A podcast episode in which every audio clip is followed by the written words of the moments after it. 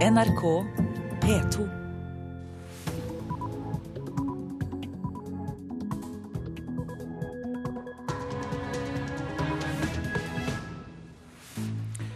Dette er Nyhetsmorgen. Tirsdag 15. november klokka 6.30 er dette overskriftene. En mann i 30-årene fra Sør-Sudan er siktet for drap på to menn og en kvinne på Valdresekspressen i går. Bilister som prøvde å hjelpe, ble truet med kniv. Var helt uvirkelig. Det var, det var, det var følelsesmessig veldig, veldig tøft. John Normann Melheim. Partene i transportnæringen skal møtes for å drøfte bedring av sikkerheten på bussene. Vi prøver å få til møte så snart som mulig for å diskutere hva vi kan gjøre på kort sikt og på lang sikt. Jon Stordrange i NHO Transport. Tannlegeassistenter møter i Høyesterett for å kjempe for kvikksølverstatning i dag. Energisparing kan gi boligeiere skattefrag. Det sier miljøvernminister Tine Sundtoft. Varmepumpe kan være noe av det du da kan få skattefradrag for.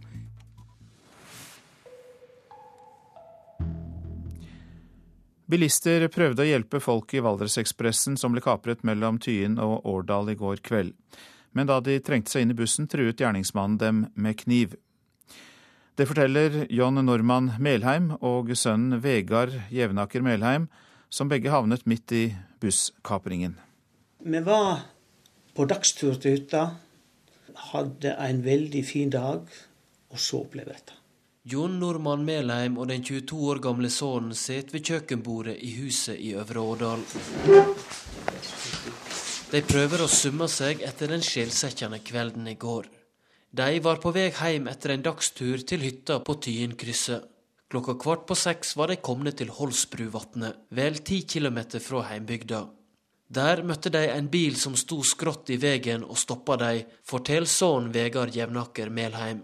Så kom det en kar bort eh, til glassruta til bilen og eh, sa det at eh, det var en busskapring 50 meter lenger borte.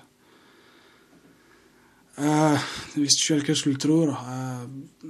Han, han virka jo tydelig oppskakka. Han var han pratet fort. Han var, så at han var prega av det han hadde sett og, og opplevd. Mannen som møtte dem, makta etter hvert å fortelle. Han hadde stussa over at bussen sto skrått i veien da han kom kjørende, og ville se om alt var vel med sjåføren og passasjerene. Og når de kommet bort, så hadde de sett at en person eh, lå eh, i trapp i, bussen eh, ned mot glassruta, og det var masse blod. Så hadde han da prøvd å få åpna døra, men som én mann så hadde ikke han klart det. Etter hvert så hadde han fått hjelp av flere, og da hadde de fått opp døra etter hvert. Når de klarte å få opp døra, så møtte de en mann som mest sannsynlig da var gjerningsmannen. Så han var Han møtte med kniv og trua med kniv. Politiet sikta i går kveld en mann fra Sør-Sudan født i 1982 for drapet på to menn i 50-åra og ei kvinne på 19 år om bord i Valdresekspressen. 75 meter unna der ildgjerningene fant sted, sto Vegard og Jon Normann Melheim og så inn i den tjukke skodda mot de røde, blinkende nødlysa på bussen. Det var helt uvirkelig. Det var, det var, det var følelsesmessig veldig, veldig tøft. Det var, det var gutten som, som, kjørte bilen som vi satt i, og det første han sa, skal jeg få lov bort og utøve førstehjelp. Men det ble vi fort enige om at det var ikke anledning til, for vi måtte være lojale i forhold til den beskjeden som var kommet over, over telefon fra 113 om at her skulle vi etablere ei sikkerhetssone. Far og sønn Melheim og andre fikk varsla bilene som kom. Beskjeden var klar. Folk skulle holde seg unna bussen, sier Vegard Jevnaker Melheim. For jeg visste jo ikke da om han gjerningsmannen var i stand til å da kunne ta seg ut av bussen og kanskje begynne å gå til fots og mot folk, andre folk. Og vi visste jo da ingenting om hvordan resten av passasjerene i bussen hadde det, eller de hadde jo bare sett den ene personen. Vi snakka veldig mye i lag, og vi, vi, vi holdt nærmest rundt hverandre. Og vi, var, vi, vi prøvde på en måte å, ivareta hverandre på en best mulig måte. Hendinga i går kveld har gått inn på Jon Normann Melheim. Som tidligere disponent i Årdal Bilag var han med på å starte opp nettopp Valdresekspressen for 28 år siden. Det er mange som har det vanskelig nå, sier han. våre tanker går til de pårørende. Og sist, men ikke minst, jeg, er, jeg har med historie i bussbransjen. Og tankene går selvfølgelig òg til gamle kollegaer som, som, på en urettmessig måte skal oppleve dette her. Det er ikke mulig å forebygge slike ting. Reporter i Årdal, Noralv Pedersen. En mann fra Sør-Sudan er altså, som vi hørte i innslaget, siktet for drap på tre personer, to menn og en kvinne, etter denne busskapringen mellom Årdal og Tyin. Reporter Erlend Blålid Oldeide, du er med oss fra Årdal. Hva er det siste du har av informasjon om det som skjedde?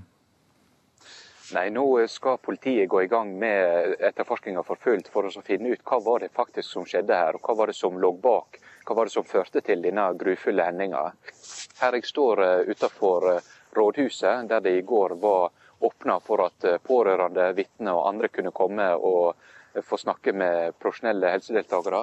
Her er det nå i løpet av natta tent eh, lys. Det står eh, en liten krans med lys på ei steinblokk, og det gjør det flere plasser her i sentrum. Årdal er i ferd med å våkne til etter en grufull tragedie. Vet vi noe mer om eh, motivet for drapene? Det vet ikke en på, på, nåværende tidspunkt. Vi skal følge med på hva politiet sier utover dagen. De har varsla at de i løpet av morgenkvisten vil komme med mer opplysninger og mer detaljer om arbeidet så langt. Vet du nå hva som skjer eh, i Årdal nå utover dagen? Ja, Her skal de eh, gjøre klart til å eh, følge opp alle de som måtte trenge det. Det er klart at Et lite samfunn er sterkt preget når en så grufull hending skjer. Jeg vet at I løpet av dagen så skal de åpne kirka her for å ta imot folk der. De første folka er kommet på jobb på rådhuset. Her vil det trolig bli at en samler alle relevante helsesøster, politi osv. for å være tilgjengelige også i dag, etter at eh, det var folk innom i går som eh, fikk prate med, eh, prate med de de trengte å prate med, og der en fikk begynne å trøyste og prøve å forstå det som har skjedd. Takk skal du ha, Erlend Blålid Oldeide, som altså var med oss fra Årdal. Og vi fortsetter med kontakt mot Årdal. Ordfører Arild Ingar Legreid, hvilke tanker gjør du deg om det som har skjedd? Dette var jo ei eh, grusom hending i går kveld. og Det blir en tung dag i dag òg. Og eh, fokus fra Årdal kommune i dag òg vil være inn mot eh, pårørende. Vi hørte om tente lys i sentrum. Kan du si litt mer om hvordan folk i kommunen gir uttrykk for sorg og medfølelse? Jeg ser det tent opp lys utenfor rådhuset, og det setter jeg stor pris på. Og vi har bestemt at vi skal ha åpen kirke fra klokka er tre i, i, dag. Og eh, vi håper at eh, folk kan eh, møtes, de som ønsker det. Den holder altså åpen, kirken. Er det mange som eh, har meldt eh, behov for kontakt og hjelp etter dette? Vi oppretta et senter i går ettermiddag, og det var noen som besøkte det. og det var noen som ringte telefonen vår, så det har vært en del kontakt. Hva syns du om uh, politiberedskapen, siden det tok uh, godt over en time fra politiet ble varslet til de var på åstedet? Nei, Det er for lang tid, etter min mening. Det er ikke det tvil om. og Eh, Årdal kommune har en visjon om at Årdal skal være en trygg sted å bo, leve og arbeide. og Da har vi på forebyggende god eh, kontakt med politiet. og Det håper vi vi får opprettholdt i framtiden. Men det er jo ting i dag som tyder på noe annet, så det tror jeg må revurderes. Er det noen eh, tiltak du vil sette i verk for å komme i kontakt med myndighetene for å endre politiberedskapen og få den bedre? Ha kontakt i løpet av dagen i dag med myndighetene. De har invitert at jeg kan ringe, så det kommer jeg til å gjøre i løpet av dagen. Takk skal du ha, Arild Ingar Legereid, som altså er ordfører i eh, Årdal. Partene i transportnæringen skal møtes så snart som mulig for å drøfte mulige tiltak for å bedre sikkerheten på bussene. En tragisk hendelse, sier administrerende direktør Jon H. Stordrange i NHO Transport og det er jo en tragisk hendelse for hele bussbransjen som sådan. Og vi kuller veldig sterkt for uh, sjåførene, som nå syns det er mindre trygt å gå på jobb fremover. Så det er en vanskelig situasjon. NHO tar nå initiativ til et møte mellom arbeidstakernes organisasjoner og arbeidsgiverne. Vi prøver å få til møte så snart som mulig for å diskutere hva vi kan gjøre på kort sikt og på lang sikt. Stordrange understreket i går kveld at det er viktig å få vite mer om kapringen, før en kan gå inn på mulige tiltak som kan styrke sikkerheten. Det er Yrkestrafikkforbundet, YTF, som organiserer flest bussjåfører. Svein Furøy er forbundsleder. Det er jo dypt tragisk, spesielt for de pårørende til de involverte. Mine tanker går først og fremst til dem, og til et selskap som dessverre for andre gang på, på ti år opplever akkurat det samme på den samme ruta. For også i 2003 ble Valdresekspressen kapret. En etiopisk mann drepte bussjåføren med kniv, og ble senere erklært psykotisk. YTF har arbeidet for økt sikkerhet på bussene, først og fremst med tanke på ran. Denne, denne saken viser jo at det fortsatt sikkert ta tak i når det gjelder sikkerhetsforsvaret. Leder i Transportarbeiderforbundet, Roger Hansen, ville i går kveld være varsom med å starte diskusjonen om sikkerhet før man visste mer. Men spørsmålet er blitt stilt ved tidligere hendelser, som i 2003. Det vi da konkluderte med, var at uh, problemet ligger nok et annet sted, hvor uh, man kan stille spørsmål om uh, helsevesenet i Norge er i stand til å fange opp personer som har personlige problemer, som gjør at de egentlig burde vært et helt annet sted enn, enn på et kollektivt transportmiddel. Og Katrin Hellesnes var reporter. Amerikansk politi jakter på en væpnet person som eh, har skutt inne på et kjøpesenter i Paramus i New Jersey, melder TV-kanalen CNN. Øyenvitner eh, meldte om skytingen inne på Garden State Pizza rett før stengetid, og store politistyrker er på plass utenfor kjøpesenteret. Det er ikke meldt om drepte, men situasjonen er uavklart, og gjerningsmannen skal fortsatt være på frifot. Dette var altså i New Jersey i USA. Flere aviser har oppslag om eh, bussdrapene. Her er en del av de andre overskriftene. Forsvaret solgte boliger til en snittpris på 230 000 kroner. Tre år seinere ble de 60 oppussingsobjektene ved Gardermoen solgt videre for nesten fire ganger mer av en investor, skriver Aftenposten. Avisa har avdekket hvordan Forsvarsbygg har solgt over 2000 eiendommer, mange til langt under vanlig markedspris. Får panikk uten mobilen, skriver Adresseavisen om elever i 9. klasse ved Charlottenlund skole i Trondheim. De føler seg avhengige av mobilen. Panikk, stress og rastløshet er ord 14-åringer bruker om å ikke ha mobilen tilgjengelig. Vil ikke betale mer til EU, sier Vidar Helgesen til Nasjonen. Det er ikke naturlig at Norge betaler mer i EØS-kontingent når EUs eget budsjett krymper, sier europastatsråden. Venstresida må bygge landet, sier Aslak Sira Myhre til Klassekampen. Rødt og SV må ikke være snille korrektiver, men lokomotiver som bygger landet, sier den tidligere RV-lederen. Milliardær blar opp for ny tenketank som skal redde venstresiden, skriver Dagsavisen. Bergenseren Trond Moen, som produserer skipspumper og oljevernutstyr, sier at det trengs en sosialdemokratisk tenketank som favner bredt. Derfor bidrar han til å finansiere tenketanken Agenda. Politikere fra Frp og Arbeiderpartiet angriper rollebytter blant lederne for Bybanen i Bergen. De frykter påvirkning fra mange sider, både fra posisjoner i offentlig administrasjon og fra ledelse av Bybanen. Disse kritikerne er på villspor, det sier Høyres fylkesordfører Tom Christer Nilsen til Bergensavisen. Religion er ikke farlig, sier rektor ved Nansen-skolen Inge Eidsvåg til Vårt Land. Han kommenterer at en NRK-programleder ikke får bære kors. Eidsvåg mener at religiøse symboler ikke er noe suspekt. Jo Nesbø har snart solgt bøker for 1,5 milliarder kroner. Bare på engelsk er det solgt 620 000 Harry Hole-bøker i år, skriver Dagens Næringsliv.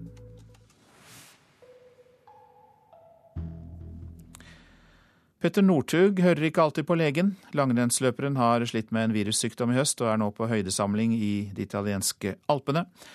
Men den viktige OL-sesongen like om hjørnet, så innrømmer Skies at han blir ivrig og ikke alltid gjør som legen foreskriver. Nei, Jeg har vært ærlig, ærlig, på hva jeg har gjort, men jeg har vel trent litt mer enn det som har vært anbefalt. Eh, men jeg har fått medhold i det etterpå, så jeg har respondert bra på det jeg har gjort. Og så har det ikke vært noe det viktigste signalene jeg sjøl får gjennom det jeg gjør, eh, og tar evalueringa etter, etterpå. For et to måneder langt avbrekk fra normal trening har vært realiteten for Northug i høst. Men nå innrømmer skikongen at han ikke alltid har hørt på legen. Fristelsen og trua på seg sjøl, egen helse og kropp har rett og slett blitt for stor. Man må på hvert fall prøve. Det liker å ut og prøve enn å, å sitte og, og, se i veggen og håpe at det ordner seg sjøl. Men trønderen er ikke veldig bekymra for formen. Han har prestert godt tross lange sykdomsperioder før. Selv husker han tilbake til tida for VM i Oslo, som også var prega av sykdom. Ja, da var jeg jo helt råtten. Men nå er det viktigste å utnytte tida som er igjen, for én ting er sikkert. Målet er å være i god form under OL. Det er det viktigste. Petter Northug til reporter Kristine Norvik Skeide. Dette er Nyhetsmorgen. Klokka er nettopp passert kvart på sju. Vi har disse hovedsakene. En mann i 30-årene fra Sør-Sudan er siktet for drap på to menn og en kvinne på Valdresekspressen i går. Bilister som prøvde å hjelpe under bussdrama, ble truet med kniv. Partene i transportnæringen skal møtes for å drøfte bedring av sikkerheten på bussene. Energisparing med varmepumpe kan gi boligeiere skattefradrag, sier miljøvernministeren. Mer eh, om det snart.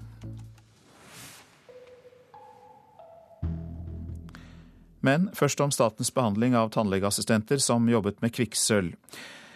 Det er eh, Den behandlingen har vært kritikkverdig, mener nestleder i helsekomiteen på Stortinget Kjersti Toppe fra Senterpartiet.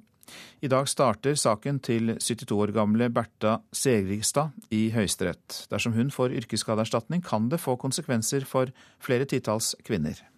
Det er en skam som de holder på med oss. Det må jeg si. Skammelig av staten. Over åtte år etter at NRK Brennpunkt dokumenterte unormalt mange helseplager blant tannlegeassistenter, set Bertha Seringstad seg på toget til Oslo for å møte i Høyesterett. Dokumentaren i 2005 gjorde at bitene falt på plass. Da fikk jeg telefon fra øst og vest. Nå, Bertha, nå ser vi, nå vet vi hva som er galt med deg. Trua på erstatning ble styrka da Avdeling for yrkesskade ved Haukeland i Bergen slo fast at det var svært sannsynlig at kvikksølvdampen hun jobba i som tannlegeassistent, var grunnen til hukommelsessvikt, søvnmangel og plager hun helst ikke vil snakke om. Det er jo en hel pakke en har fått av dårlige ting. Runddansen som følgde, enda med at lagmannsretten krevde at hun skulle få erstatning. Men av anka til siste rettsinstans. Direktør for ytinger i Nav, Kjersti Monland, sier hun forstår at ventetida er tøff. Vi kan forstå at det er vanskelig. Men føler dere dere fremdeles usikre på at det er kvikksølv som gjorde at eh, mange av tannlegeassistentene ble syke? Dommen i lagmannsretten bryter jo med praksisen vår, eh, og derfor så har vi behov for å få en eh, avklaring. Nestleder i helsekomiteen på Stortinget, Kjersti Toppe fra Senterpartiet, håper den nye regjeringa kan gjøre det hennes egen regjering aldri gjorde sette et politisk punktum og gi erstatning til kvinnene. Når det er så overveiende sannsynlig for flere fagmiljø, så mener jeg en burde satt foten ned, ikke drevet det videre i rettssystemet. De venter at folk skal dette av lasset, og jeg vet et menneske som har datt av lasset, og rett og slett er dødd. Og det syns jeg er ille. Reporter var Sølve Rydland. Norske boligeiere kan komme til å få skattefradrag for installering av varmepumper. Det sier klima- og miljøminister Tine Sundtoft. Regjeringen har varslet at de vil bruke skattefordeler for å oppmuntre til private enøktiltak. Og dette er ett eksempel på investeringer som kan bli omfattet av ordningen, sier Sundtoft. Men hun vil foreløpig ikke legge fram noen lang liste over hva som skal gi rett til fradrag. Og nå er det jo superfarlig å komme med konkrete eksempler på dette. her. Det jeg kan driste meg til som ett eksempel, la meg understreke eksempel, varmepumpe kan være noe av det du da kan få skattefradrag for. Men jeg vil ikke nå ramse opp dette, her, for da begynner markedet med en, en gang å forholde seg til dette, og markedet stopper opp. Det er utfordringen med å si at dette ønsker vi å utrede. Men vi har sittet i knappe tre uker, og vi trenger tid til å få dette på plass. Regjeringen har altså ikke bestemt seg for hva som skal bli fradragsberettiget. Der Sundtoft derimot er helt tydelig, er at skattepolitikken skal brukes til å få folk flest til å investere i miljøtiltak i sine egne hjem, fordi regjeringen er sikker på at dette virker. Det finnes i dag lokale ordninger som f.eks. tilskudd til enøktiltak, men bruk av skattefradrag er noe nytt, det krever både helt presise kriterier og forutsigbarhet, sier Sundtoft. Vi skal ikke ha et generelt skattefradrag til oppussing eller rehabilitering. Vi må være ganske presise på hva en skal få skattefradrag på. Det må være en forutsigbarhet inn i dette, og det trenger vi å utrede på en ordentlig måte. Men det prinsippet er viktig. Faren er selvfølgelig at når løftet først er gitt, kan forbrukerne sitter på gjerdet og vente til de ser hvilke fordeler som ligger i ordningen. Derfor kan heller ikke regjeringen drøye for lenge lenge før de kommer med noe mer konkret. Vi, vi, vet at når det står slike ting, og markedet og forbrukerne begynner å reagere i forhold til det, så kan vi ikke vente til det fjerde året med å gjøre dette. Klima- og miljøvernminister Tine Sundtoft til reporter Alf Hartgen. Leder i Zero, Marius Holm, god morgen til deg. God morgen. Ja, Hva syns du om at regjeringen vil gi skattefradrag for enøktiltak? Ja, Det er flott, det. Vi har jobba for å få sånne virkemidler på plass i mange år, vi, så vi er jo glad for at det nå ser ut til å bli noe av. Eh, men det er viktig, som Tine Sundtoft sier, at eh, nå må de være ganske raske. Fordi markedet kommer til å sitte og vente på at dette kommer, og så stopper alt opp inntil eh, skattefradraget er på plass. Men dette er en god idé, fordi folk elsker å spare skatt. Og jeg tror det er lavere terskel for å sette i gang når man får skattefradrag, enn når man må lete seg fram i en sånn søknadsjungel for å få støtte. Så dette er bra. Lettere, ganske enkelt? Ja, det er lettere. Og det, jeg tror det kommer til å, å, gi eh, fart i sakene. Og vi håper jo at f.eks. Eh, solenergi også kan være med i en sånn ordning, sånn at man får fradrag for å sette solceller på taket. Det er jo noe vi ikke har gjort så mye i Norge, men som eh, teknologien har gjort det mulig å få til også i Norge, til en ganske billig penge. Så her kan det skje ganske mye. Nå har jeg to saker på lista mi her. Varmepumpe nevnte hun som et eksempel uten å love noe. Og så nevner du solenergi. Ja, flere, jo, flere, ting? Ja, det er, det er, flere ting som helt sikkert kommer på denne lista. Det er jo eh, etterisolering, det er bedre vinduer, det er strømstyringssystemer. Så, så her er det, det er en lang liste over ting som kommer til å komme, og jeg tror den kan komme ganske fort. Aller helst bør den komme i statsbudsjettet nå eh, om noen dager. Men eh, det er viktig at ikke de somler her, altså. Men så er det jo, må jeg jo si da at eh, vi må ha flere ting på plass. Eh, Regjeringa slipper ikke unna med et skattefradrag for enøk. Vi må eh, gripe tak i de mest fundamentale tingene også, nemlig hvordan vi skal erstatte all den fossile energien med fornybar. Ja, for du skriver i en kronikk i Aftenposten at det er stadig bedre og billigere batterier som er en nøkkel her. Ja, det er to ting som gjør at det går an å være optimist på klimaets vegne. Det ene er billigere fornybar energi. Sol og vindkraft blir billigere og billigere hele tiden og vokser vanvittig fort. Og så kommer batterier i tillegg. og Det gjør jo at eh, vi for det første kan kjøre bil uten eh, bensin. Og så kan vi eh, lagre den strømmen som solcellene lager om dagen, til kvelden. Det er, så, det er, ikke noe vi trenger i Norge, det siste der. altså. Det er nok mer for solrike land som ikke har vannkraft. Men, men det skaper fantastiske muligheter, fordi prisene faller, og dette blir lett tilgjengelig om noen år. Så skriver du også noe som overrasker mange, kanskje. For du sier at disse miljøendringene ikke kommer pga. internasjonale klimaavtaler, men de kommer pga. marked og nasjonale tiltak. Ja, og det er eh, en utrolig viktig erkjennelse. Eh, norsk klimapolitikk har hatt hovedfokus på globale forhandlinger. Og vi har liksom fremstått som den snilleste gutten i klassen ved å si at vi er villige til å forplikte oss mest av alle i de forhandlingene. Men denne forpliktelsen er jo null verdt når vi vet at det ikke blir noe stor global klimaavtale. I beste fall får vi noe som er så svakt at det knapt nok virker. Og All den utviklingen vi ser, er jo drevet fram av enkeltland og regionale myndigheter som har bestemt seg for at vi må faktisk ta grep. Og istedenfor å vente på kvoteprisen skal stige, så har land som Tyskland og, eh, og California og andre områder i verden de har bare sagt ok, vi må over på fornybar. Da setter vi i gang og bygger ut det. Og det har gitt resultater og ført til at de viktigste teknologiene har blitt svære industrier som, eh, hvor prisene faller og faller og faller. Så dette, eh, dette er veldig vellykka, og det gir et sånt skift i markedet. Nå har jo, solenergi og vindenergi vært subsidiert i mange år. Men det begynner å nærme seg et sånt punkt hvor det her er så billig at det kan konkurrere ut fossil energi helt uh, av seg sjøl. Mange takk skal du ha, Marius Holm, som altså er leder i Zero. Nå til Trondheimsordfører Rita Ottervik, som er kraftig irritert over at Trondheim må gi opp og få erstatning etter det ulovlige prissamarbeidet om asfalt i byen. NCC og Veidekke fikk eh, flere hundre millioner kroner i bot, men Trondheim kommune klarer ikke å bevise at de har betalt for mye for asfalten de kjøpte. Jeg er både skuffa og kraftig irritert, fordi at eh, her er det gitt uttrykk for at man har drevet med et prissamarbeid.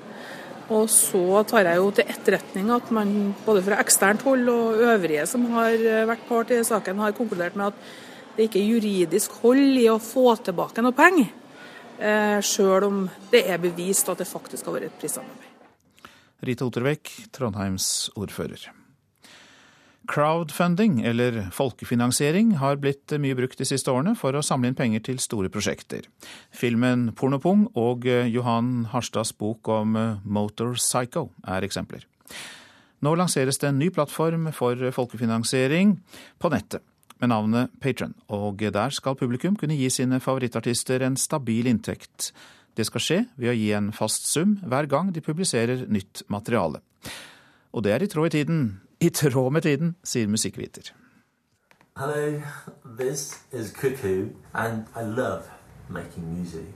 I love to share it online, and this is what it sounds like. But I'm lying, Dette er presentasjonsvideoen til artisten Cuckoo, som egentlig er en høy og beskjegga mann ved navn Andreas Paleologos. Paleologos er frilanskunstner og driver med animasjon, illustrasjon og musikk. Videoen har han lagt ut på den nye crowdfunding-plattformen Patrion. Jeg hørte om Patrion tidligere i år, og når jeg fikk greie på hva det var, så tenkte jeg shit, om det blir stort en dag, så er det noe som alle artister som ikke tenker fett plateselskap, burde vurdere. For i motsetning til andre crowdfunding-tjenester, hvor artister og kunstnere samler inn penger til et stort prosjekt, som en plate eller en film, fungerer Patrion på en helt annen måte. Fordi det går ut på at du knytter fans eller følgere til deg som artist. Og så folk som er interessert i å støtte deg, kan velge å per automatikk gi deg en liten sum hver gang de gir ut noe. Du kan velge hvor mye, kanskje en dollar eller ti dollar. Det er liksom alt ettersom hvor mye de har å gi eller vil gi. Audun Molde, musikkviter og førstelektor ved NIS og BI, synes ideene spennende. Det er en veldig interessant idé, for det bygger på en kontinuitet da, hvor publikum vil følge artisten hele tiden. Det bygger også en tettere relasjon mellom artist og publikum. Men Espen Andersen, førsteamanuensis ved Handelshøyskolen BI, tror det kan bli vanskelig for små artister som Kuku å tjene de store summene. Eh, de fleste sånne tjenester eh, styres jo av at folk selv velger hva de skal støtte, og gjerne med et veldig lite beløp. Og det vi pleier å se da, det er at eh, du får en veldig ujevn fordeling artistene imellom. Det er noen som får veldig mange bidrag, og det store flertallet får nesten ingenting. Molde derimot tror crowdfunding-tjenester som Patrion kan slå an blant norske fans. Vi putter jo til og med kanskje tips i et glass når vi går i kaffebaren. Hvorfor skal man ikke da gi noen kroner i tips til en YouTube-video som man liker?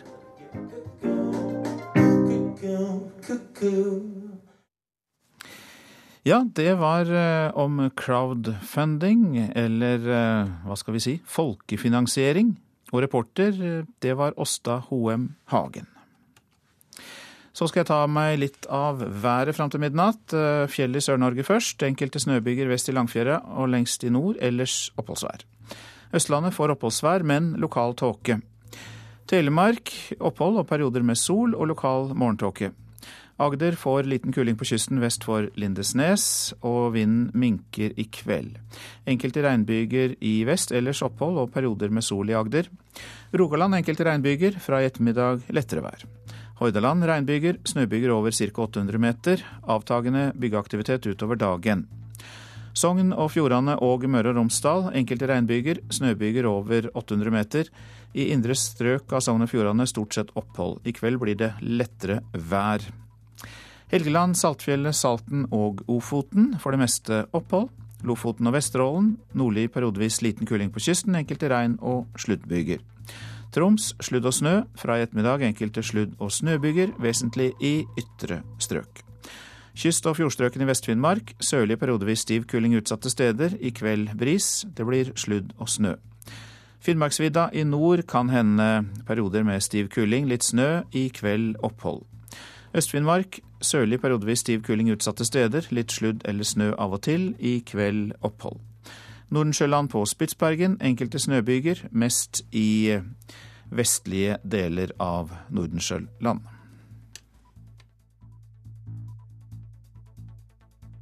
NRK P2.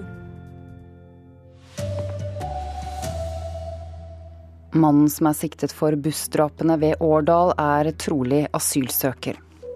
En kvinne på 19 og to menn i 50-årene ble drept. Her er NRK Dagsnytt klokken sju. En mann fra Sør-Sudan er siktet for å ha drept tre mennesker på bussen mellom Årdal og Tyin. Mannen kapret Valdresekspressen, og det er sjåføren og to passasjerer som er drept. Den siktede mannen, som skal være asylsøker altså, ligger på Haukeland universitetssykehus med lettere skader. Like etter klokka 17.30 i går kveld fikk politiet melding om dramaet som utspant seg om bord på Valdresekspressen på vei fra Årdal mot Oslo. Om bord var to passasjerer, en svensk mann og en 19 år gammel kvinne, i tillegg til bussjåføren i 50-åra. En asylsøker fra Sør-Sudan hadde drept alle tre med kniv. Også i 2003 ble Valdresekspressen kapra og sjåføren omkom. Daglig leder i busselskapet JVB, Kristoffer Kvame, er i sjokk over å bli råka nok en gang. Det er jo helt uvirkelig at det skal ramme et selskap eh, på nytt. Det er ti år siden forrige gang vi hadde en tilsvarende ulykke, så det er helt uvirkelig. Reporter her var Anna Gytri. Reporter Erlend Blålid Oldeide, hva er det siste vi vet om det som har skjedd?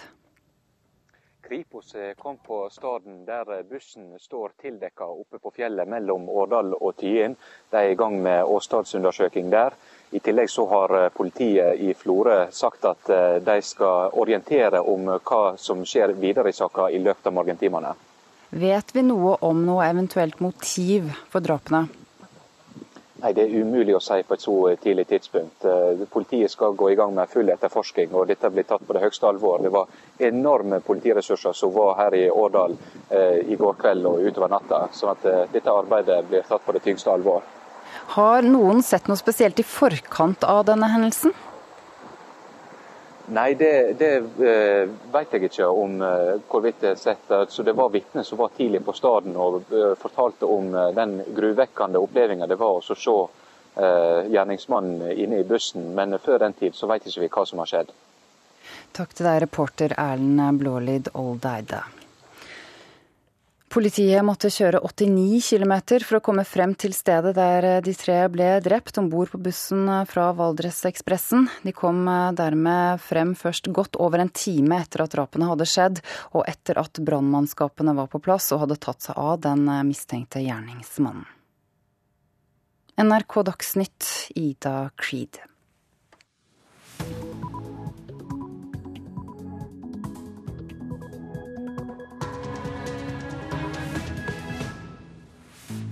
Nyhetsmorgen fortsetter med mer om drapene på Valdresekspressen i går.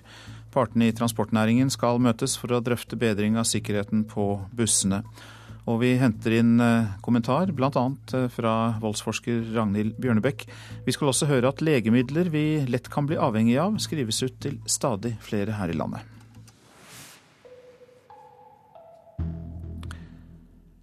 Som vi hørte i Dagsnytt, eh, sjåføren og to passasjerer ble drept på Valdresekspressen i går. En mann fra Sør-Sudan, som trolig er asylsøker, er siktet for å ha drept de tre. Det skjedde altså på bussen mellom Årdal og Tyin. Den siktede er lettere skadd og ligger på Haukeland universitetssykehus. En av de første som kom fram, var Vegard Melheim. Han ble stoppet midt i veien av en som hadde prøvd å komme seg inn i bussen. Når jeg hadde kommet bort, så hadde jeg sett at en person eh, lå i i trapp i, i, bussen eh, ned mot glassruta, og det var masse blod. Eh, så hadde han da prøvd å få åpna døra, men eh, som én mann så hadde ikke han klart det. Etter hvert så hadde han fått hjelp av flere, og da hadde de fått opp døra etter hvert. Når de klarte å få opp døra, så møtte de en mann som mest sannsynlig da var gjerningsmannen. Han bøtte dem med kniv og trua dem med kniv. Like etter klokka 17.30 i går kveld fikk politiet melding om dramaet som utspant seg om bord på Valdresekspressen på vei fra Årdal mot Oslo. Om bord var to passasjerer, en svensk mann og en 19 år gammel kvinne, i tillegg til bussjåføren i 50-åra. En mann fra Sør-Sudan som trolig er asylsøker, hadde drept alle tre med kniv. Også i 2003 ble Valdresekspressen kapra og sjåføren omkom. Daglig leder i busselskapet JVB, Kristoffer Kvame, er i sjokk over å bli råka nok en gang. Det er jo helt uvirkelig at det skal ramme et selskap eh, på nytt. Det er ti år siden forrige gang vi hadde en tilsvarende ulykke. Så det er helt uvirkelig. I Årdal ble det raskt oppretta et kriseteam for å ivareta de pårørende og andre berørte av hendinga. Ordfører Arild Ingar Legreid har ikke ord om det grufulle som har skjedd. Nei, dette er jo en grufull hending, og eh, tankene mine går selvsagt nå til de pårørende. Og vi gjør nå det vi kan eh, opp imot det. Samtidig har det vekt sterke reaksjoner at politiet brukte 1 time og 14 minutter fra de fikk meldinga om busskapringa til patruljen var framme ved bussen på fjellet. Ronny Iden er politimeister i Sogn og Fjordane. Eh, I denne tragiske saken så kan vi selvfølgelig si at, at det ikke var bra, men vi, vi, vi vet ikke noe mer om omstendighetene omkring dette. Hvorfor var ikke politiet kommet fram en og en halv time etter hendinga, da brannmannskapet var med og tok hånd om den mistenkte? Som nå har redegjort for, så reiste politiet til stedet nokså umiddelbart etter at de fikk varsel. og etter det jeg har fått opplyst, er det den tiden det, det tok. Det var 89 km for de å kjøre fra Lærdal, der de var, til, til stedet. Men var det ikke politifolk nærere? Dette var den patruljen som, som, fikk oppdraget, fordi at det var den nærmeste patruljen. Og det var Anna Gytri som hadde satt sammen dette innslaget. Det er andre gang på ti år at en bussjåfør på Valdresekspressen er knivdrept på jobb. Det er vanskelig å finne ord for det som har skjedd, sier disponent i Jotunheimen og Valdresruten bilselskap, Kristoffer Kvame. Nei, det er jo uforståelig at uh, det skal kunne ramme et selskap, distriktsselskap, to ganger på ti år. Det er helt uvirkelig. Har um, dere noe ransknapp eller slike ting om bord i bussene? Hva tenker dere om sikkerheten til sjåfører og uh, passasjerer? Nei, Det er jo noe som vi nå vil måtte gå gjennom etterpå. Og i sammen kanskje da med NHO, som er vår organisasjon, for å se hva som kan gjøres med for sikkerheten. Og partene i transportnæringen skal møtes så snart som mulig for å drøfte mulige tiltak for å bedre sikkerheten på bussene, og reporter her, det var Geir Rød. Voldsforsker, Ragnhild Bjørnebekk, god morgen. Vi vet ikke hva som er motivet her, men ut ifra forskning om gjerningsmenn, hvem kan gjøre noe sånt som dette her? Foreløpig så vet vi ikke så veldig mye, men vi vet at det er, alle ble drept. Og når det er tre stykker, så etter en forskningsdefinisjon så regner man det for en massakre. Hadde det vært flere til stede, så kunne flere også ha blitt drept. Det som det tyder på, kanskje, er at det er en person som har kommet helt ut av kontroll, som har en sak å føre i forhold til myndigheter eller i forhold til ulike instanser, og at han har kommet inn i en høyaggressiv situasjon, sannsynligvis med en psykisk forstyrrelse samtidig. Og dette her vet vi at skjer med jevne mellomrom i land hvor det er mange flere innbyggere.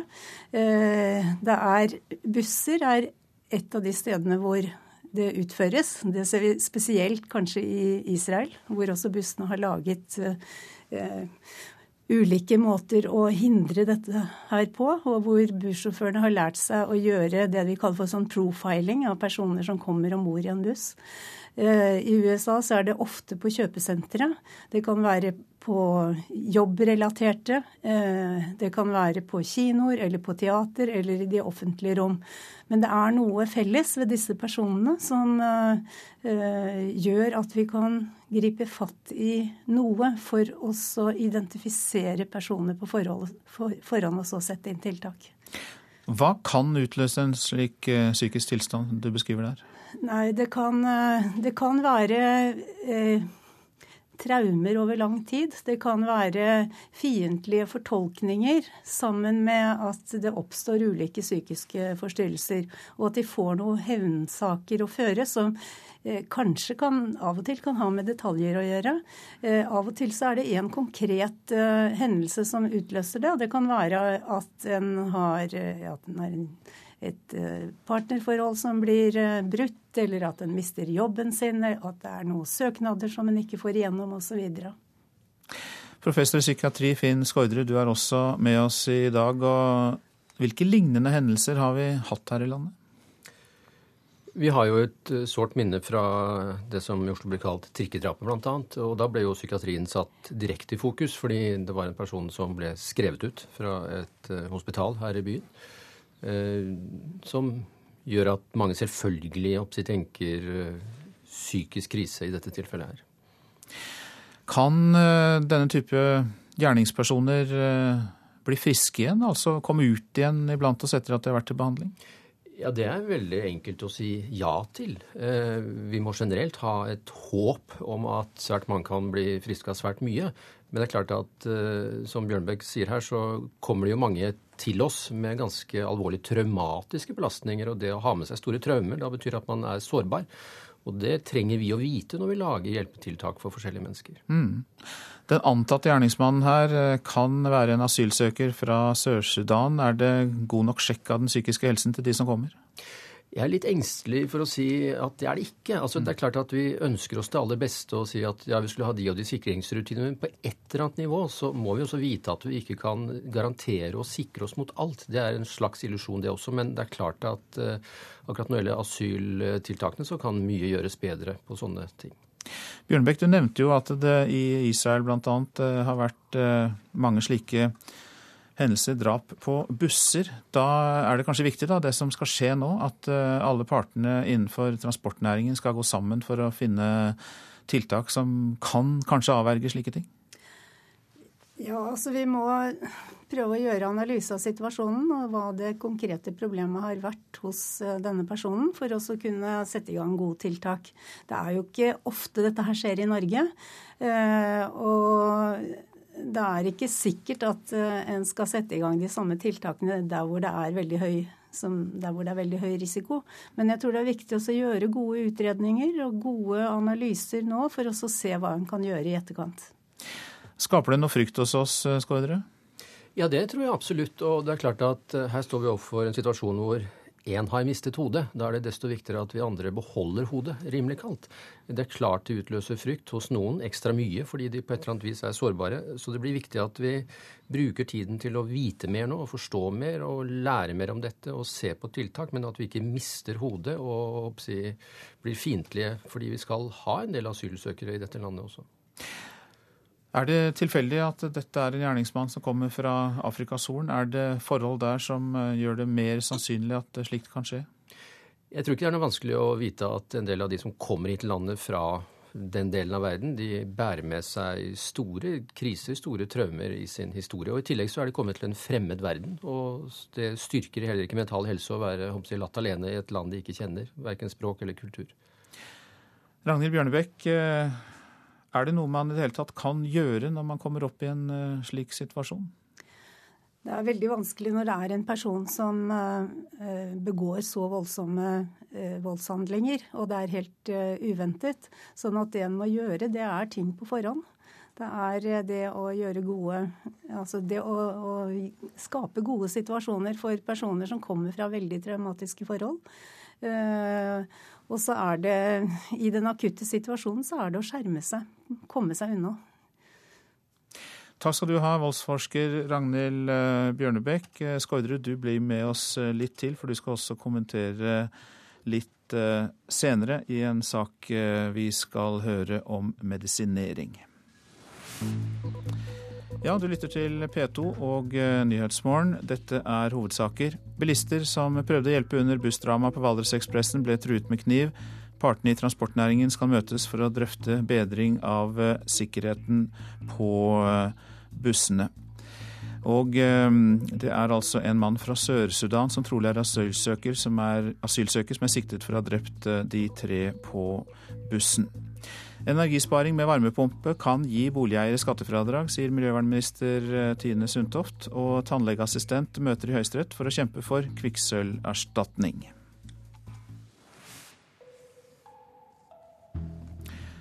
Nå om legemidler vi lett kan bli avhengig av, for det skrives ut stadig flere av disse. Over en million nordmenn fikk eh, minst én resept på vanedannende medisiner i fjor og det er en økning på 11 000 mennesker eh, per år de siste sju årene. Legemiddelverket anslår at det er om lag 100 fastleger her i landet som skriver ut altfor mye medikamenter og kommer seg unna med det. Det er en god del pasienter, eh, eller leger, som, som ikke blir rapportert. Og det er kanskje det, egentlig det største problemet. At det er en del som slipper unna radaren, for å si det sånn. Hver femte nordmann og enda noen til fikk i fjor resept på vanedannende medisiner. Det var sovemedisiner, beroligende midler og smertestillende. Såkalte A- og B-preparater som gjør oss avhengige hvis vi får for mye. 11 000 nye brukere hvert år de siste sju åra, viser Reseptregisterets tall. Minst 50 000 nordmenn får for mye medikamenter, ifølge Legemiddelverket. På gitar spilte jeg fra jeg var ti år til ja, en dag i dag. I NRK Brennpunkt møter vi i kveld John Kenneth Nerby, som fikk i seg nesten 8000 sterke vanedannende medisiner i løpet av bare ett år. Det er jo ingen som har stoppa meg. Jeg har jo fått dop på blå resept. For ham begynte det med en depresjon i ungdommen etter at begge foreldrene døde med kort mellomrom. De 20 årene som har gått siden den gang, har vært preget av et liv i avhengighet. Istedenfor å få annen hjelp, da, så, så, så blei liksom valiumen og ryopnolen Det begynte med det. Det, det blei liksom hjelpa til å slukke trøsten, eller få, få trøst, da mellom 10 og 20 vanedannende tabletter hver dag de siste fem årene. Steinar Madsen i Legemiddelverket bekrefter at han har fått altfor mye piller når han får se reseptlistene til Nerby. Det er veldig mye. Det er langt over det som er anbefalt. Hvordan vil du karakterisere det sånn? Ja, Det er nok en forskrivning som har kommet ut av kontroll, rett og slett. Også legen som skrev ut de avhengighetsskapende pillene til Nerby, innrømmer at det var for mye. Det er altfor mye. Det er helt vanvittig. Men hva skal vi gjøre? Altså, psykiatritilbudet i den regionen som jeg jobbet i da, var forferdelig dårlig. Altså, Du henviser pasienter, men du får tilbake eh, henvisninger med, med det at dette kan klares på fastlegekontoret. Piller erstattet altså annen type behandling. Terapi, samtale, tid. Psykiater Ingeborg Snilsberg er bekymret for utviklingen. Og sånn i, i, forhold til hvordan samfunnet eh, utvikler seg òg, så har vi jo eh, kanskje en økende tendens til å ville dempe det vi kjenner av ubehag, eh, fortest mulig. Eh, og at vi kanskje tror vi kan medisinere bort eh, vansker i livet. Eh, noe som jeg tenker vi ikke kan. Og det var eh, Gry Blekastad Almås og eh, Anne Kvadsheim som hadde laget eh, denne saken. Og vi gir oss ikke helt med det, for Finn Skårdrud, du er fortsatt med oss, professor i psykiatri. Og hvorfor løser vi våre helseproblemer mer og mer med piller? Det er vel flere mulige grunner, og én er utenifra, i den forstand at vi kan se i en vestlig verden det vi kan kalle en slags medikalisering av hverdagslivet vårt. Altså, ikke minst så er det en veldig potent eh, legemiddelindustri som forteller oss, og ikke minst fastleger og andre, at her er det noe å ty til, og i nød så tyr man til noe. Men så er det kanskje noen krefter innenfra. Altså hva er toleransene våre for ubehag? Tåler vi mindre motstand enn før? Og da blir vi på en måte en slags sosiologer, men det er jo ting som tyder på det. Og kanskje har vi store ideer om at livet er fullt av lykke og velvære. Det er det jo ikke. Livet svinger, livet har ubehag i seg. Og det er kanskje viktig at vi ikke gir folk illusjoner om at vi skal leve smertefritt. Og dette med medikalisering, det handler jo ikke bare om vanedannende preparater som heter A- og B-preparater. Vi ser unge jenter eh, misbruker eller bruker økende doser av reseptfrie smertestillende. Vi ser en tendens til medikalisering av barn med psykofarmaka. Så dette er en ganske allmenn trend. Denne fastlegen vi hørte her, eh, viste til at han ikke fikk hjelp i psykiatrien til pasienten sin. Um, syns du om det? Ja og nei. Det er jo fristende å skylde på systemer, og det er absolutt uh, Høyes anledning til å lage en ny opptrappingsreform for psykiatri nå. Eller vi kan tenke kanskje vel så mye på psykologer inn i de kommunale helsetjenestene som en førstelinjetjeneste, så det ikke blir spesialisthelsetjenester. Men i hele min tid som lege så har vi alltid skilt mellom snille leger og ikke så snille leger. Det er klart Legen har et ansvar for selv å sette grenser. og Hvis det blir vanskelig for personen, så går det an å si fra seg retten til å foreskrive A- og B-preparater. Vi må selv ta et ansvar.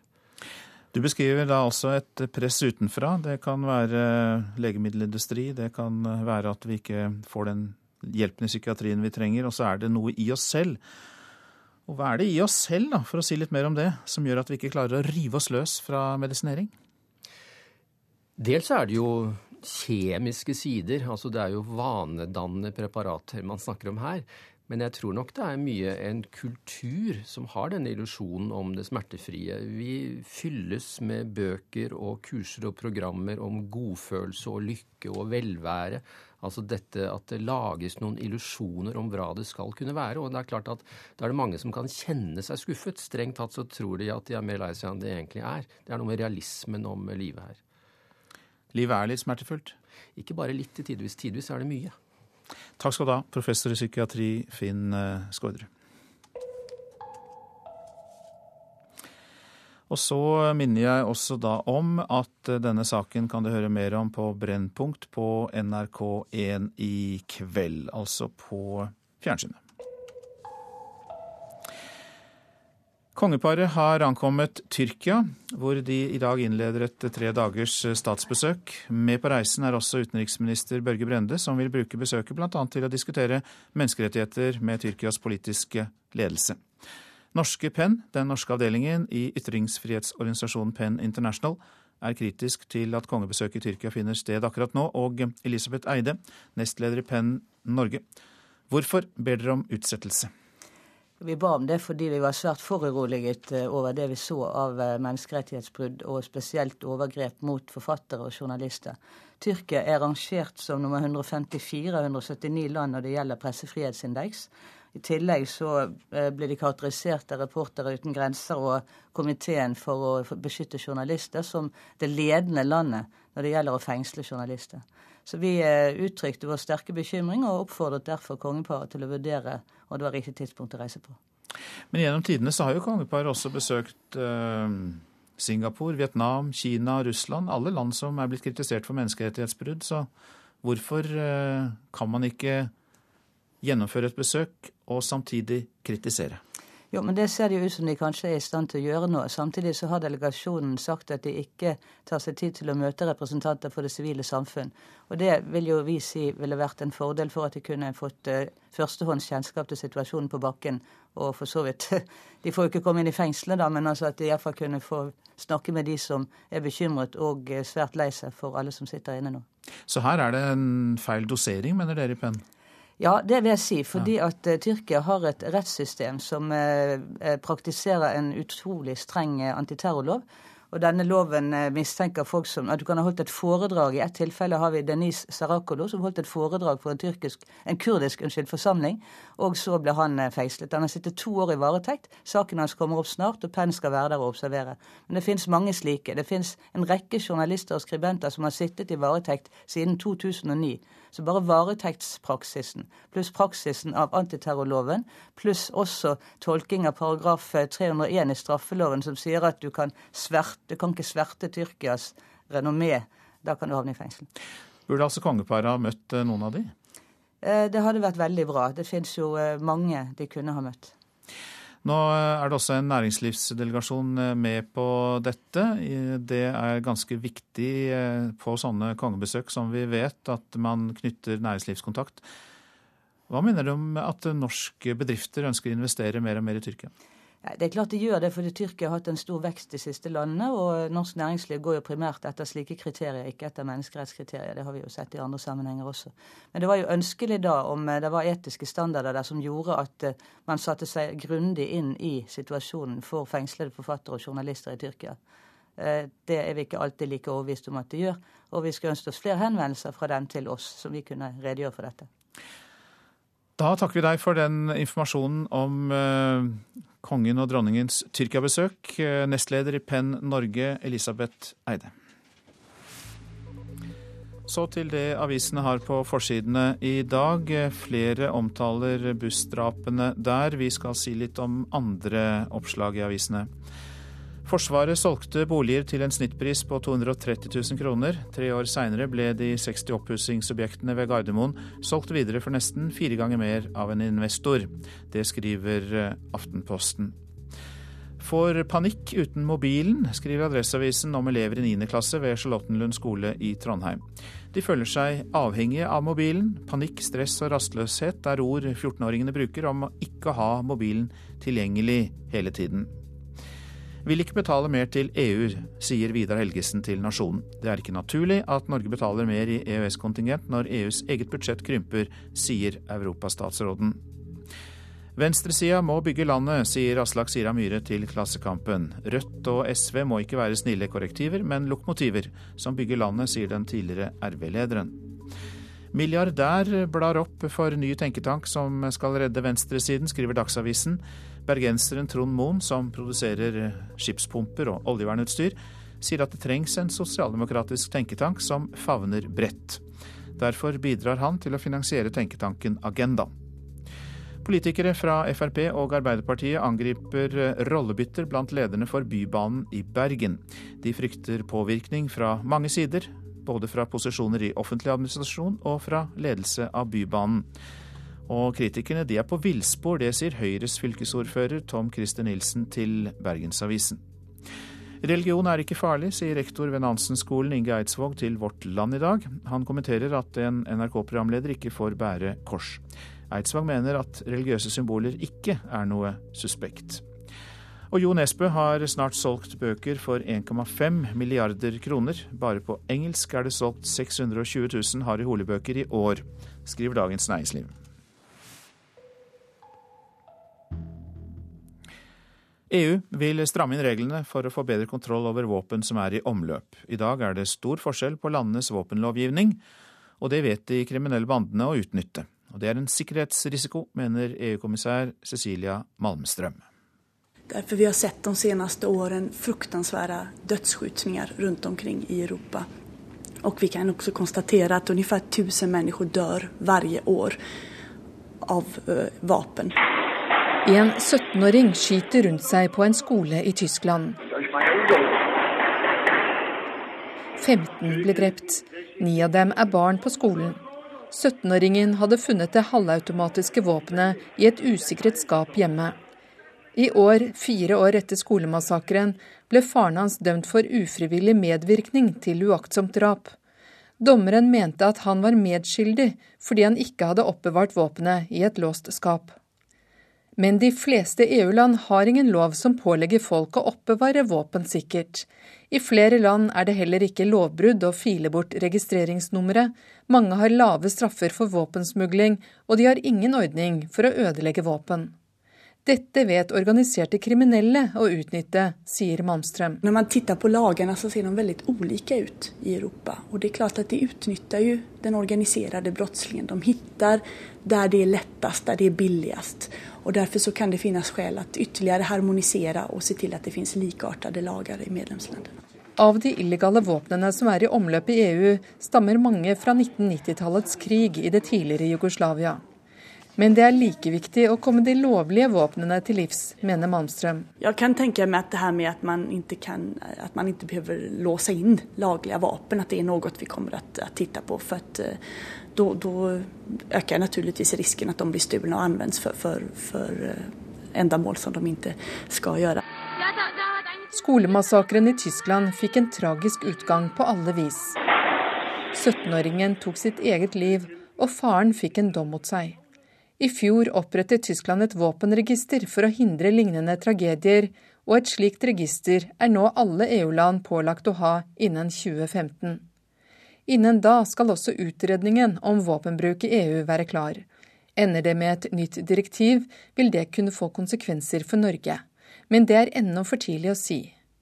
Eller som Malmström formulerer det Det her er et første startskott for diskusjonen, og vi håper på en livlig debatt og diskusjon med mange konkrete forslag. Europakorrespondent Åse Marit Befring hadde laget uh, dette innslaget. Ja, du lytter til P2s uh, Nyhetsmorgen. Blir det en sosialdemokratisk borgermester i New York? I dag er det lokalvalg i USA. Mer om dette i reportasjen etter Dagsnytt. Skal oljeformuen investeres i kull eller ikke? Debatt i Politisk kvarter. Produsent for Nyhetsmorgen, det er Ulf Tannes Fjell. Her i studio, Øystein Heggen.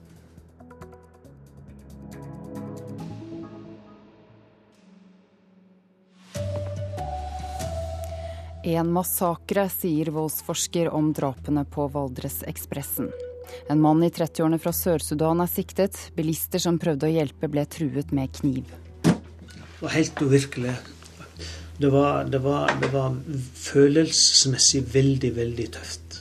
Og transportnæringen skal møtes for å snakke om sikkerheten på bussene. Her er NRK Dagsnytt klokken 7.30. En mann fra Sør-Sudan er altså siktet for drap på tre mennesker på bussen mellom Årdal og Tyin. Mannen er lettere skadet og ligger på Haukeland universitetssykehus. En av de første som kom frem var Vegard Melheim, som ble stoppet midt i veien av en som hadde prøvd å komme seg inn i bussen. Og når jeg hadde kommet bort, så hadde jeg sett at en person eh, lå eh, i trapp i, i bussen eh, ned mot glassruta, og det var masse blod. Eh, så hadde han da prøvd å få åpna døra, men eh, som én mann så hadde ikke han klart det. Etter hvert så hadde han fått hjelp av flere, og da hadde de fått opp døra etter hvert. Eh, når de klarte å få opp døra, så møtte de en mann som mest sannsynlig da var gjerningsmannen. Han møtte dem med kniv og trua dem med kniv. Like etter klokka 17.30 i går kveld fikk politiet melding om dramaet som utspant seg om bord på Valdresekspressen på vei fra Årdal mot Oslo. Om bord var to passasjerer, en svensk mann og en 19 år gammel kvinne, i tillegg til bussjåføren i 50-åra. En asylsøker fra Sør-Sudan hadde drept alle tre med kniv. Også i 2003 ble Valdresekspressen kapra og sjåføren omkom. Daglig leder i busselskapet JVB, Kristoffer Kvame, er i sjokk over å bli råka nok en gang. Det er jo helt uvirkelig at det skal ramme et selskap eh, på nytt. Det er ti år siden forrige gang vi hadde en tilsvarende ulykke, så det er helt uvirkelig. I Årdal ble det raskt oppretta et kriseteam for å ivareta de pårørende og andre berørte av hendinga. Ordfører Arild Ingar Legreid har ikke ord om det grufulle som har skjedd. Nei, dette er jo en grufull hending, og eh, tankene mine går selvsagt nå til de pårørende. Og vi gjør nå det vi kan eh, opp imot det. Reporter Anna Gytri. Den eh, trippeldrapssiktede er sannsynligvis bosatt på Årdal mottakssenter. Det sier regionsjef Bente Dalåker i selskapet Hero Norge, som driver asylmottak. Hun forteller at det er politiet som har gitt dem opplysninger som tyder på at mannen i begynnelsen av 30-årene bor ved Årdal mottakssenter. Foreløpig er det for tidlig å si hvor lenge mannen har bodd der, og om han bodde der alene. Reporter Erlend Blålid Oldeide, hva er det siste vi vet om det som skjedde i går? Kripos er kommet på staden og har begynt på sin åstadsundersøking for å nøste opp i hva var det som faktisk skjedde her, og hva var det som ledet fram til denne ufattelige tragedien. Årdalssamfunnet er nå begynt å våkne til en ny dag, men eh, de aller fleste har vanskelig med å ta inn over seg at noe så grusomt kan skje i en liten kommune. Jeg står rett utenfor rådhuset. Jeg ser bort på en eh, stein der de har begynt å sette opp lys. Det begynte allerede i natt. Og utover morgentimene nå så ser jeg det stadig det kommer til folk som vil legge ned lys og delta i sorga. Vet vi noe om motivet for drapene? Det er for tidlig å si. Politiet har bebudet bebuda at de skal eh, gi en presseorientering i løpet av morgentimene. Det vil skje etter klokka åtte en gang. Vi skal se om vi da vil kunne få flere svar på det alle spør seg hvordan det kunne skje. Ja, Voldsforsker Ragnhild Bjørnebekk, hvordan vil du karakterisere det som skjedde på bussen i Årdal i går kveld? Nei, Med de opplysningene som har kommet fram til nå, så tyder det på at ikke dette er en kapring, men at det er en massakre. Eh, FBI de definerer massakre som eh, at fire personer blir drept eh, i, på samme tid. Mens i forskningen så trekker man inn tre personer som den grensen man definerer massakre etter. Vi vet altså ikke noe om motivet ennå, men ut fra forskning om gjerningsmenn, hvem kan gjøre noe slikt? Nei, Det er eh, gjort en del analyser, spesielt i USA og Canada, fordi der har du så mange flere eh, tilfeller også å gjøre analyse på. Eh, og det er eh, Av og til så er det noe som har utløst det, som kan være bagateller. Det kan være en kjæreste som har slått opp, eller det kan være noe som har skjedd i familien. Eller det kan være oppbrudd av forskjellige ting. Ofte så har de en, eh, erfaring med kanskje institusjoner eller instanser eh, som er negativ, og så blir dette her eh, tvangstanker. Så får de en sak å føre i forhold til samfunnet som de føler urettferdig i forhold til seg selv. Og så kan de da gå til angrep på helt tilfeldige personer, og da er disse personene en, et symbol for det samfunnet som de skal angripe. Eh, og av og til så er det heller ikke tilfeldige personer, men det kan være personer på en arbeidsplass, det kan være eh, kvinner, det kan være andre som de er et symbol for det de ønsker også å angripe. Kjenner vi lignende hendelser eh, fra tidligere? I Norge så har vi jo det trikkedrapet på Bislett i sin tid, som ser ut til å være noe tilsvarende. Eh, det jeg ikke sa i stad, det er jo at det ofte er personer i stor psykisk eh, krise også, og som ofte har opplevd store traumer i sin oppvekst. Sånn at det er eh, Det er nok en mer lignende historie enn disse kapringene som har vært på buss. Mm. Takk til deg, voldsforsker Ragnhild Bjørnebekk. Og partene i transportnæringen skal møtes så snart som mulig etter eh, bussdrapene. De skal eh, drøfte mulige tiltak for å bedre sikkerheten på bussene. Dette er eh, tragisk for de berørte, sier administrerende direktør John H. Stordrange i NHO Transport. Det er jo en tragisk hendelse for hele bussbransjen som sådan. Og vi puller veldig sterkt for sjåførene, som nå syns det er mindre trygt å gå på jobb fremover. Så det er en vanskelig situasjon.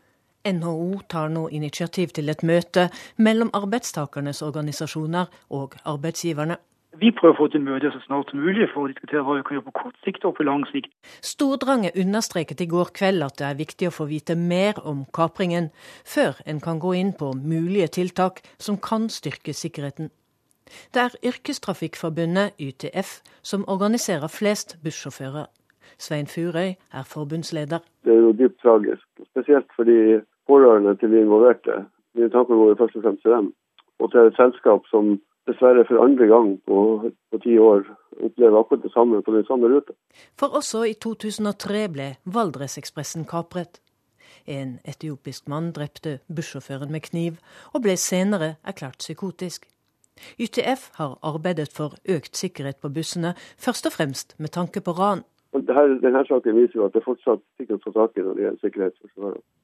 Det blir eh, minnemarkering for de ansatte i busselskapet Jotunheimen og Valdresruten bilselskap i Valdres klokken 9.30. For sjåføren som ble drept, var ansatt i selskapet. Reporter Katrin Hellesnes. Så skal vi høre at over en million nordmenn fikk minst én resept på vanedannende medisiner i fjor. Det er en økning på 11 000 mennesker per år de siste sju årene. Det er jo ingen som har stoppa meg. Jeg har jo fått dop på, blå resept.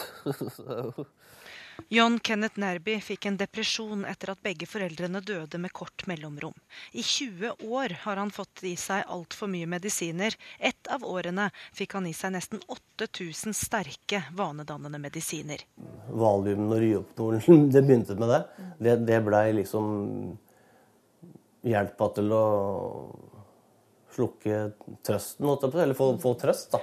Hver femte nordmann og enda noen til fikk i fjor resept på vanedannende medisiner. Det var sovemedisiner, beroligende midler og smertestillende. Såkalte A- og B-preparater som gjør oss avhengige hvis vi får for mye. 11 000 nye brukere hvert år de siste sju åra, viser Reseptregisteret.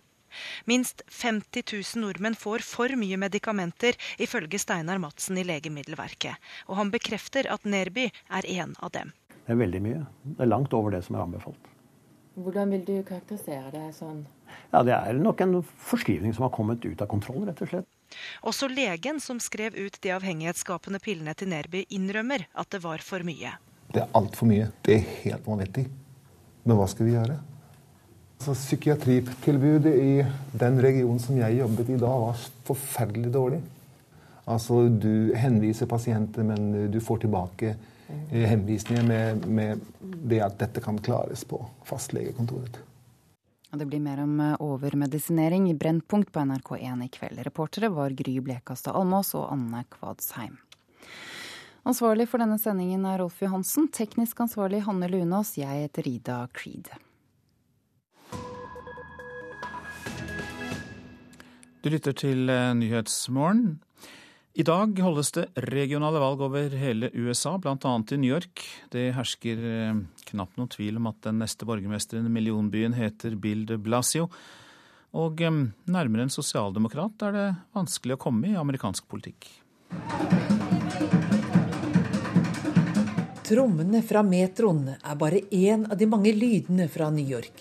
En by med ni millioner innbyggere, verdens viktigste børs, mange av verdens høyeste hus, rikeste menn, mest kreative kvinner, grusomste terrorminner og mange sterke grupper med store forventninger til en ny ordfører. Og han heter ganske sikkert Bill de Blasio. Hans profil er svært ulik nåværende borgermester Blombergs. Milliardæren Michael Blomberg har gjort veldig mye bra for byen, mener de aller fleste. Men han bor på dyreste Manhattan, liker å omgås andre rikfolk og kjendiser, og skryter av at pengene gjør ham ubestikkelig. Jeg oppsøker nærområdet i Brooklyn hvor de Blasio bor sammen med sin afroamerikanske kone og to barn. De har et beskjedent hus i et solid, men ikke på noen måte prangende strøk. Alle jeg spør, skal stemme på ham. I think he understands the city. He understands the needs of the people in the city. I know him.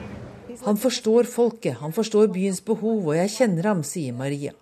Hun forteller at han og familien deltok i halloweenparaden sist torsdag. Kona har uttalt at hun ikke har lyst til å flytte til borgermesterbolig og finere strøk. Hun er, som sin mann, tidligere aktivist et stykke ute på amerikansk venstreside.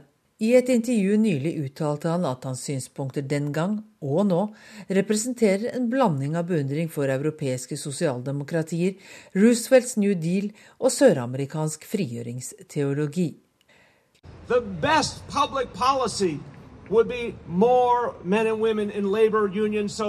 den beste politikken er mer kvinner og menn i fagforeninger, slik at byene blir sterke og familiene og nabolagene blir sterke, sier New Yorks kommende ordfører. We became a nation where a huge number of our people could lead decent lives. Vi ble en nasjon der en stor andel av vårt folk kunne leve et anstendig liv med sosial sikkerhet pga. nettopp fagbevegelsen, fortsetter de Blasio, som lover å beskytte offentlige arbeidsplasser mot privat kontraktørvirksomhet. Han vil også bygge ut førskolene, finansiert av en ekstraskatt for de med høy inntekt. I've called for a tax on people who make a half million dollars or more, so we can have full day pre-K for our children.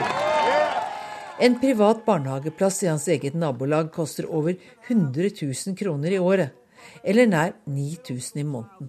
Det er uoppnåelig for mange av New Yorks borgere, hvor byens egen administrasjon regner med at nær halvparten av innbyggerne må klare seg på under 105 000 kroner i året, og inntektsforskjellene bare øker. De Blasio vil også ha flere billige boliger. De Blasio forsøkte gjennom sin nåværende stilling i byadministrasjonen å få inn som betingelse for et stort boligbyggingsoppdrag at entreprenøren forpliktet seg til å bygge et visst antall rimelige boliger for fattige. Da satte ordfører Blomberg foten ned. Og de Blasio har måttet tåle en del kritikk for at han ga seg for lett når Michael Blomberg var uenig. The beginning of change is listening to the people. Så spørs det da hvem de Blasio vil lytte til, når han selv om noen dager får representanter for kapitalsterke interessegrupper inn døra på kontoret, uten å kunne henvise oppover. Reporter Gro Holm. Dette er Nyhetsmorgen. En mann i 30-årene fra Sør-Sudan er siktet for drap på to menn og en kvinne på Valdresekspressen i går. Bilister som prøvde å hjelpe under bussdramaet, ble truet med kniv. Partene i transportnæringen skal møtes for å drøfte bedring av sikkerheten på bussene. Energisparing med varmepumpe kan gi boligeiere skattefradrag. Miljøvernminister Tine Sundtoft vurderer skattefradrag for enøktiltak. Det er en stor miljøkonferanse i Oslo i dag, og programleder for Politisk kvarter Bjørn Myklebust, det får deg til å stille følgende spørsmål. Hvorfor krever Arbeiderpartiet at oljefondet ikke lenger skal putte penger i kull, kun tre uker etter at de hadde makt til å gjøre noe med nettopp det? Og de som nå har hatt makt i tre uker, vil de miste fotfeste hvis de fortsetter å putte penger i olje?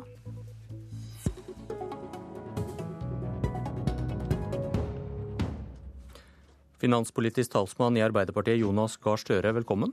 Takk. Du oppfordrer regjeringen til å ikke lenger investere oljeformuen vår i kull. Eh, hvorfor har dere vært mot dette, men snur nå som dere ikke har makt? Nå Det siste Jens Stoltenberg gjorde som statsminister, var å møte sine nordiske kolleger og president Obama. og Da var det mye fokus i norsk presse på hva de spiste til middag, men det de vedtok politisk, var en tekst hvor de var enige om at de landene skulle forplikte seg til å slutte å investere i kullkraft i utlandet. Eh, så dette er en modning av et standpunkt som kommer eh, mot den bakgrunn at vi står overfor en veldig alvorlig situasjon. IEA, alle energianalyser viser at kull veier for tungt i verdens energiproduksjon. Det kan ikke vi gjøre noe med med et enkelt grep, men det spørsmålet vi reiser, er om vårt store pensjonsfond bør være investert i kullselskaper. Det er vi for en 40-50 milliarder nå. Det er om lag 1% av fondet. Eh, så at vi eh, gradvis avslutter det engasjementet, det vil ikke endre en stor situasjon, men det vil sende et stort signal. Og så skal vi ha en stortingsmelding til våren om Statens pensjonsfond utland. Og da ønsker vi at regjeringen foretar en gjennomgang av det, slik at Stortinget kan drøfte det. Men Arbeiderpartiet har den holdning at vi bør ikke være investert i eh, kull, slik dette bildet nå ser ut. Men denne erkjennelsen kommer altså nå i høst, etter at dere går av? Jo, men altså, jeg, jeg, jeg ser jo i den politiske debatten at alle saker vi nå mener, så blir det hevdet at hvorfor gjorde de ikke det i åtte år? Tiden går, erkjennelsen kommer på. Og som sagt var dette noe som vår statsminister, da han var statsminister på tampen før valget, uh, satte seg ned med andre statsministre og USAs president og skrev uh, under på. Eh, så får vi diskutere standpunktet, hva vi mener er riktig, hva vi mener er riktig signal. Dette er ikke noe vi vedtar gjennom et kort vedtak i Stortinget. Vi oppfordrer regjeringen til å drøfte det i den stortingsmeldingen som kommer, og da har vi et godt grunnlag for å ta en beslutning på det.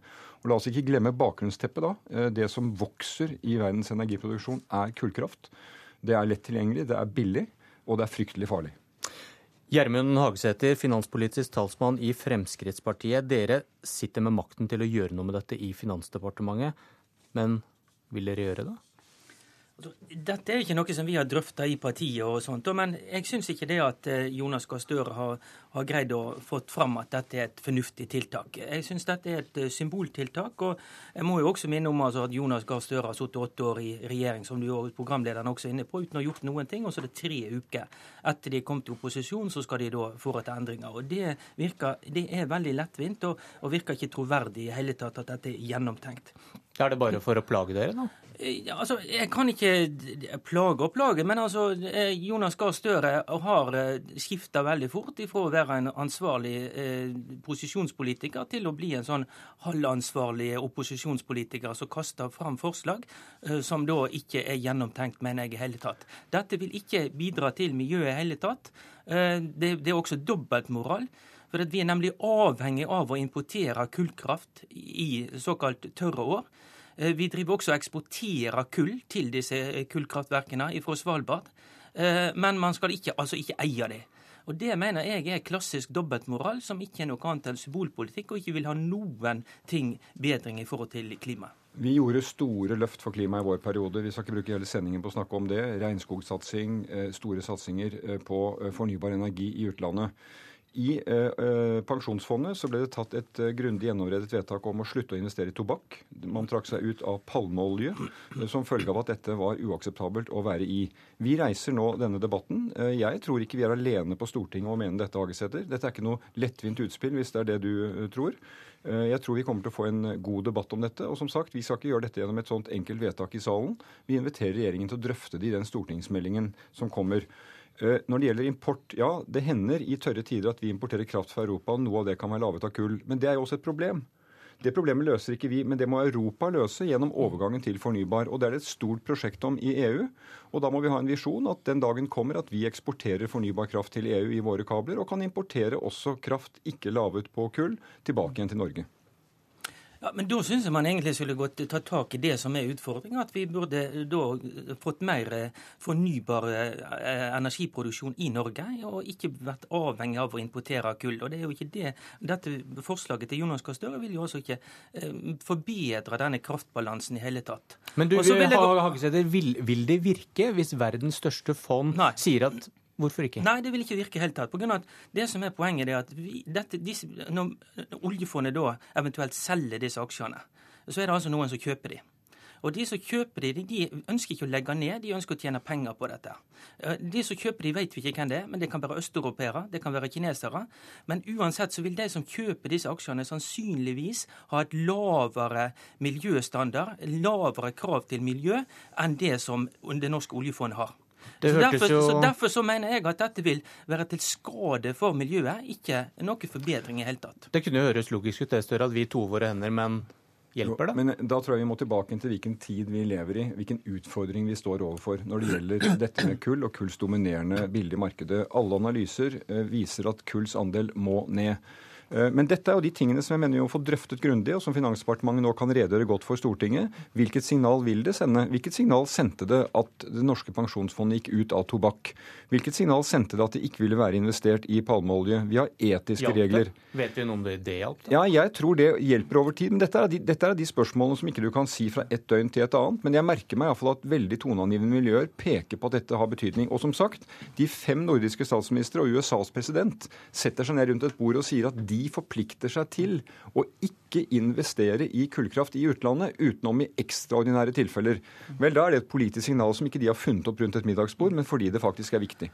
Ja. Men, men, nå er altså ikke dette så vidt jeg har dette, forstått dette forslaget om at vi skal investere. Dette her er snakk om et forslag om at vi skal selge oss ut. Og Regjeringspartiene vi ønsker selvfølgelig å drøfte det meste, men det er jo ikke det Jonas Gahr Støre gjør. Han sier det at han går ut og sier at vi skal selge oss ut, og så kan vi ta eh, drøftelsen etterpå. Nei, og, det går feil, det, det er feil retning. Altså, Vi kan drøfte dette, men det, det du går ut og sier at du har jo konkludert med at vi bør selge oss ut av kullkraftverk. Det er jo det som er utspillet ditt. Ja, men, men, det er riktig at det, ja. vi er kommet til at uh, i tråd med også det som som jeg viste til eh, disse statsministrene kom til, så har vi kommet til at det er riktig standpunkt. Men vi sier at det er ikke Arbeiderpartiets stil å fremme det som et forslag i stortingssalen ved neste møte.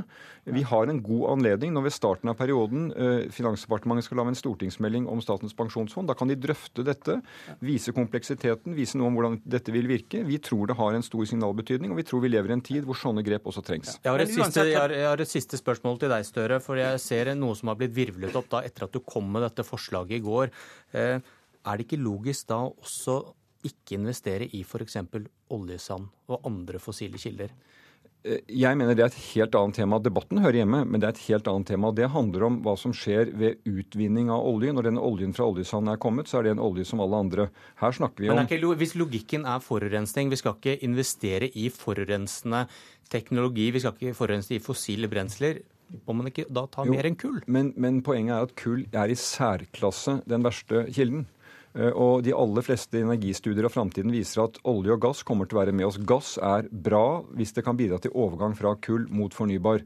Eh, så eh, vi kan ikke diskutere hvert tema, og så må på en måte alt som har med fossilt, komme med. Det er ikke i vårt forslag. Vi setter altså søkelyset på kull, som er i en særstilling den verste kilden. Takk for debatten.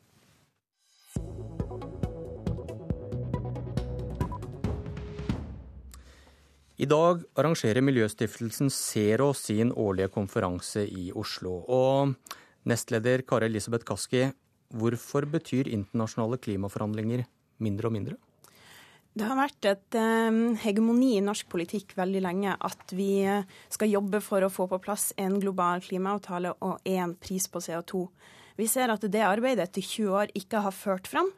Og selv om vi må fortsette det arbeidet, så er det andre ting Eh, og en annen utvikling globalt som gjør oss optimistiske. Og det er at mange land går foran og bygger nullutslippsløsninger, bygger fornybar energi fra bunnen av. Det som bidrar til å drive nullutslippsløsningene framover og få teknologikostnadene ned og utslippene ned.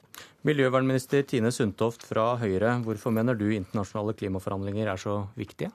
Jeg mener at begge deler er viktig. Eh, klimautfordringene er globale. Derfor trenger vi også globale avtaler. Men det står ikke til hinder for at vi skal gjøre ting nasjonalt. Eh, jeg har lyst til å gi ros til Zero for det hovedbudskapet de nå har. Jeg syns det er et viktig budskap. Men Norge vi er, vi er privilegerte. Vi har pga. oljefunn i Nordsjøen bygd opp en stor oljeformue. Nå gjelder det jo å bruke den oljeformuen til å omstille vårt norske samfunn i retning av mer grønn økonomi. Derfor ønsker vi å bruke oljepengene til mer forskning, til mer satsing på utdanning, bedre infrastruktur, mer kollektivtrafikk, og ikke minst å få vekstfremmende skattelettelser. Så det gjelder jo å bruke det handlingsrommet vi har, mer i retning av grønn økonomi i Norge. Men vi må også ha globale avtaler. Det ene utelukker ikke det andre. Nei, det, Vi skal jobbe fortsatt for de globale avtalene, men jeg tror vi trenger å endre måten vi tenker om rundt klimaproblemet i Norge. Vi ser at det er et grønt skifte på gang internasjonalt. Et grønt skifte som handler om alle de modige politiske grepene, økonomiske insentivene og teknologiske nyvinningene som bidrar til å utvikle mer fornybar energi og bidra til å gjøre teknologien billigere, sånn at andre land kan ta den i bruk. Og Det må vi fortsette å gjøre i Norge. Det må vi gjøre i enda større grad. Eh, og det gjør vi gjennom å bygge ut mer fornybar energi, som olje- og energiministeren allerede har tatt til orde for. Det gjør vi gjennom å fortsette de gode eh, insentivene vi har for nullutslippsbiler. Og det gjør vi gjennom å f.eks. ta i bruk oljefondet, det viktigste verktøyet vi har internasjonalt. Der vil jeg berømme Arbeiderpartiet og Jonas Gahr Støre for å løfte den viktige debatten om hvilken eksponering vi skal ha mot fossil energi. Og vi bør vi bruke oljefondet også til å investere i fornybar energi. Men når, når jeg leste det dere i Zero skrev i går, er det, er det markedet og ikke moralen som skal redde klimaet? Markedet er helt avgjørende hvis vi skal løse klimaproblemet. Men for å det må lønne seg? Det må lønne seg. Og det må lønne seg å investere i klimavennlig teknologi istedenfor i den eh, teknologien som forurenser. Og det gjør det, og begynner å gjøre det i større og større grad i dag. Men det er fordi politikerne har gått foran, og fordi de har kommet med de riktige virkemidlene som har gjort at det lønner seg. Se på Tyskland. Der er det nå langt, langt billigere å bygge ut solenergi enn det det var for noen år tilbake. Da var det dyre subsidier som bidro til at folk bygde ut solenergi, men nå begynner det markedet å gå av seg sjøl, og det gjør at solenergi blir konkurransekraftig kraftig mot fossil energi. Tror du på marked eller moral for å redde klimaet? Jeg, jeg tror veldig på markedet her. Og jeg tror at vi også internasjonalt må jobbe for å sette en pris på karbon. Det vil gjøre fossil energi mindre verdifullt. Og det Vi ser, vi har en oljebransje i dette landet som er veldig teknologitung. Jeg tror de er veldig klare til å gå i retning av et mer fornybarsamfunnet når, når skatter og avgifter legges til rette for det. Derfor er det bra den debatten ser hun nå setter i gang. Vi må bruke de virkemidlene vi har til å gå i retning av en grønn økonomi. Hvis du ser på plattformen til regjeringen, Kaski, så har du et miljøkapittel, men så har du også et oljekapittel hvor det er full gass.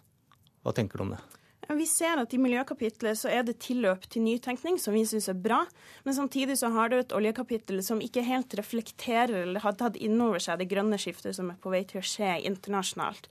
Det tar ikke inn over seg at det enormt høye investeringstempoet vi har på norsk sokkel, bidrar til å støvsuge landet for flinke folk og gjøre det vanskelig å bygge opp den grønne fastlandsindustrien.